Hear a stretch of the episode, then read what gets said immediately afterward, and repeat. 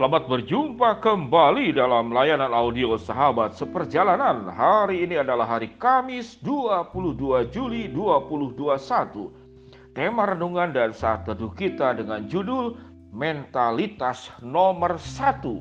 Lebih tepatnya adalah penyakit mentalitas nomor satu. Firman Tuhan terambil dalam Matius pasal yang ke-20 ayat yang ke-28. Demikian bunyi firman Allah. Sama seperti anak manusia datang bukan untuk dilayani, melainkan untuk melayani dan untuk memberikan nyawanya menjadi tebusan untuk banyak orang. Mari kita berdoa. Bapa yang di dalam surga, selain kami mendengarkan firman Tuhan, firman Tuhan tentang penghiburan, tentang penyertaan, tentang kekuatan, tentang kesembuhan, tentang berkat-berkat Allah, namun kamu kami pun harus terus belajar bagaimana kami mendengarkan firman Tuhan agar kami tidak hanya bertumbuh di dalam jumlah berkat yang banyak namun kami bertumbuh di dalam jumlah perkembangan kedewasaan yang semakin baik. Di dalam nama Tuhan Yesus kami berdoa. Amin. Shalom sahabat perjalanan yang dikasih Tuhan di dalam doa pembukaan yang saya sampaikan tadi manusia tidak hanya untuk terus bertumbuh dan mendapatkan kesehatan dan berkat yang banyak namun juga bertumbuh di dalam kedewasaan secara spiritual.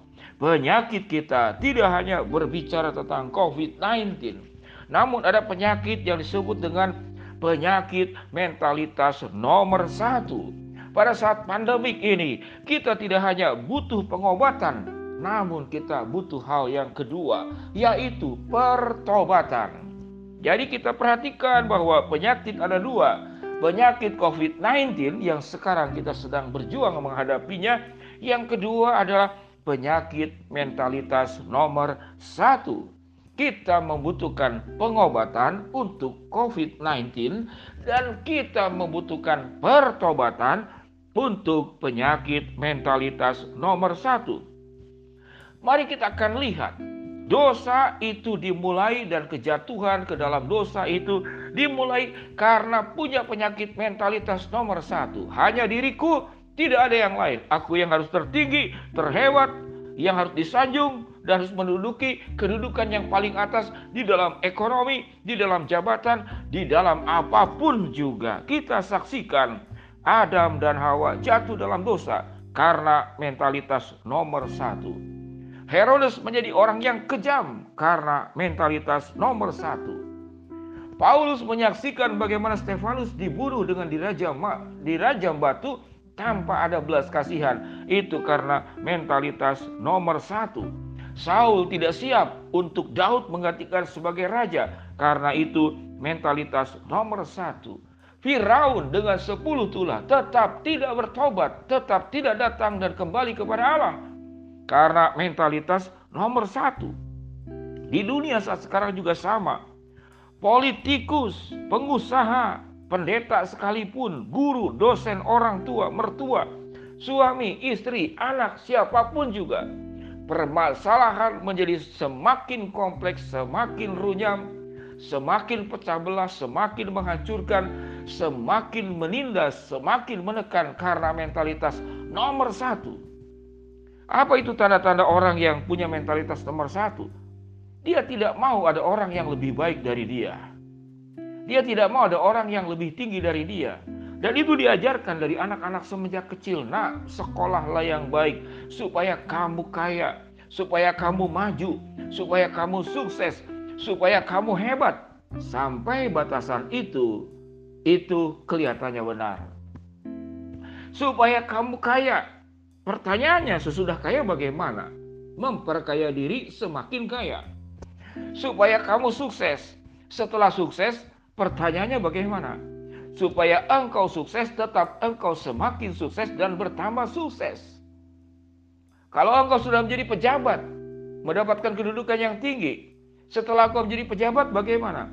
Engkau harus naik lagi mendapatkan jabatan yang semakin tinggi.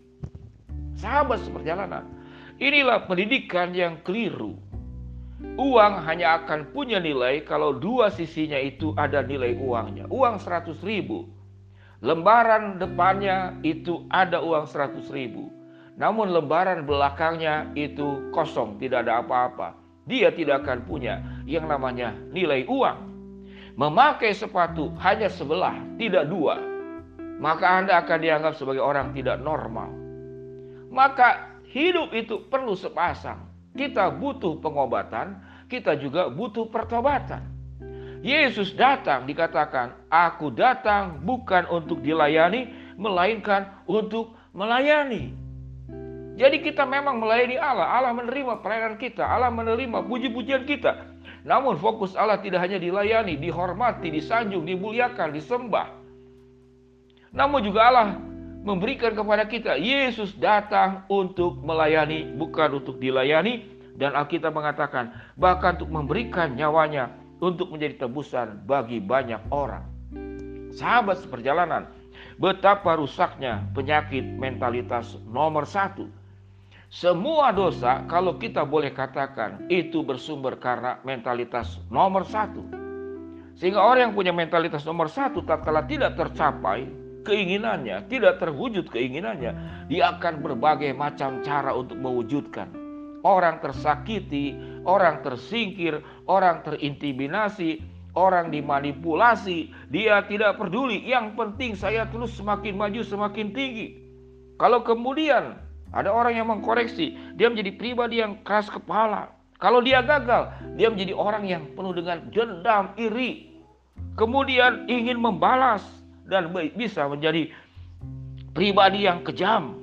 Hidupnya hanya berorientasi kepada karpet merah yang tergelar untuk dirinya berjalan di atas karpet merah, sementara Yesus datang ke dalam dunia bukan berjalan di atas karpet merah, namun perjalanannya adalah perjalanan berdarah-darah merah sampai di bukit Golgota. Itulah bedanya antara Yesus dan diri kita. Sahabat seperjalanan yang dikasih Tuhan sebagai pendeta pun berbahaya. Saat ini pandemik, pendeta, mimbar pendeta disingkirkan Tuhan. Dalam kondisi pandemik, pengusaha disingkirkan, konsumen berkurang. Apalagi bagi para dokter yang biasa kemudian melayani, saat ini dokter pun terkena terpapar oleh COVID-19. Orang yang kaya sekalipun, saya dengarkan berita ada seorang kaya yang meninggal, dia punya tiga jet pesawat pribadi dan banyak sekali. Di hadapan COVID-19, kita menjadi pecundang. Karena siapa juara saat ini? Juara sementara dalam kondisi pandemi ini adalah COVID-19, bukan dirimu. Karena COVID-19 semua menjadi lebih rendah dari penyakit yang mengganas sedemikian luar biasa. Maukah pada saat ini kita kembali kepada Allah? Bukan kita menjadi orang yang punya mentalitas nomor satu, ingin dilayani, ingin sukses, namun tidak mau melayani, namun tidak mau berbagi agar kesuksesan pun tidak hanya jadi milik kita, namun menjadi milik orang lain, berbagi kebaikan, berbagi keindahan, berbagi berkat, berbagi karunia, berbagi kasih. Inilah saatnya. Sehingga sahabat seperjalanan, ingat bahwa hidup kita itu tidak hanya meminta berkat, namun bagaimana kita dipanggil oleh Allah untuk memberkati. Jangan kita terus berdoa, tidak hanya untuk pengobatan, kita sembuh dari COVID-19. Tapi ada dua hal, kita butuh pengobatan, sembuh dari sakit fisik, kita butuh pertobatan, sembuh daripada sakit kepribadian yang dikarenakan dosa. Mari kita berdoa. Bapak yang di dalam sorga ya Tuhan, hambamu berdoa agar sungguh-sungguh apa yang disampaikan pada hari ini kami butuh pengobatan yang sakit Tuhan sembuhkan. Ya Tuhan, semua para medis rumah sakit diberikan berkat oleh Allah, diberikan kesehatan, dilindungi, dicukupkan kebutuhan oksigen yang berkurang saat ini dan segala sesuatunya boleh berjalan lancar. Hambamu mendoakan semuanya sehat melalui pengobatan. Hambamu juga berdoa agar semuanya juga sehat secara spiritual, secara karakter, secara pandangan hidup. Tidak hanya minta dilayani, namun melayani sehingga kami butuh pertobatan, pengobatan dan pertobatan untuk menyelesaikan penyakit mentalitas nomor satu.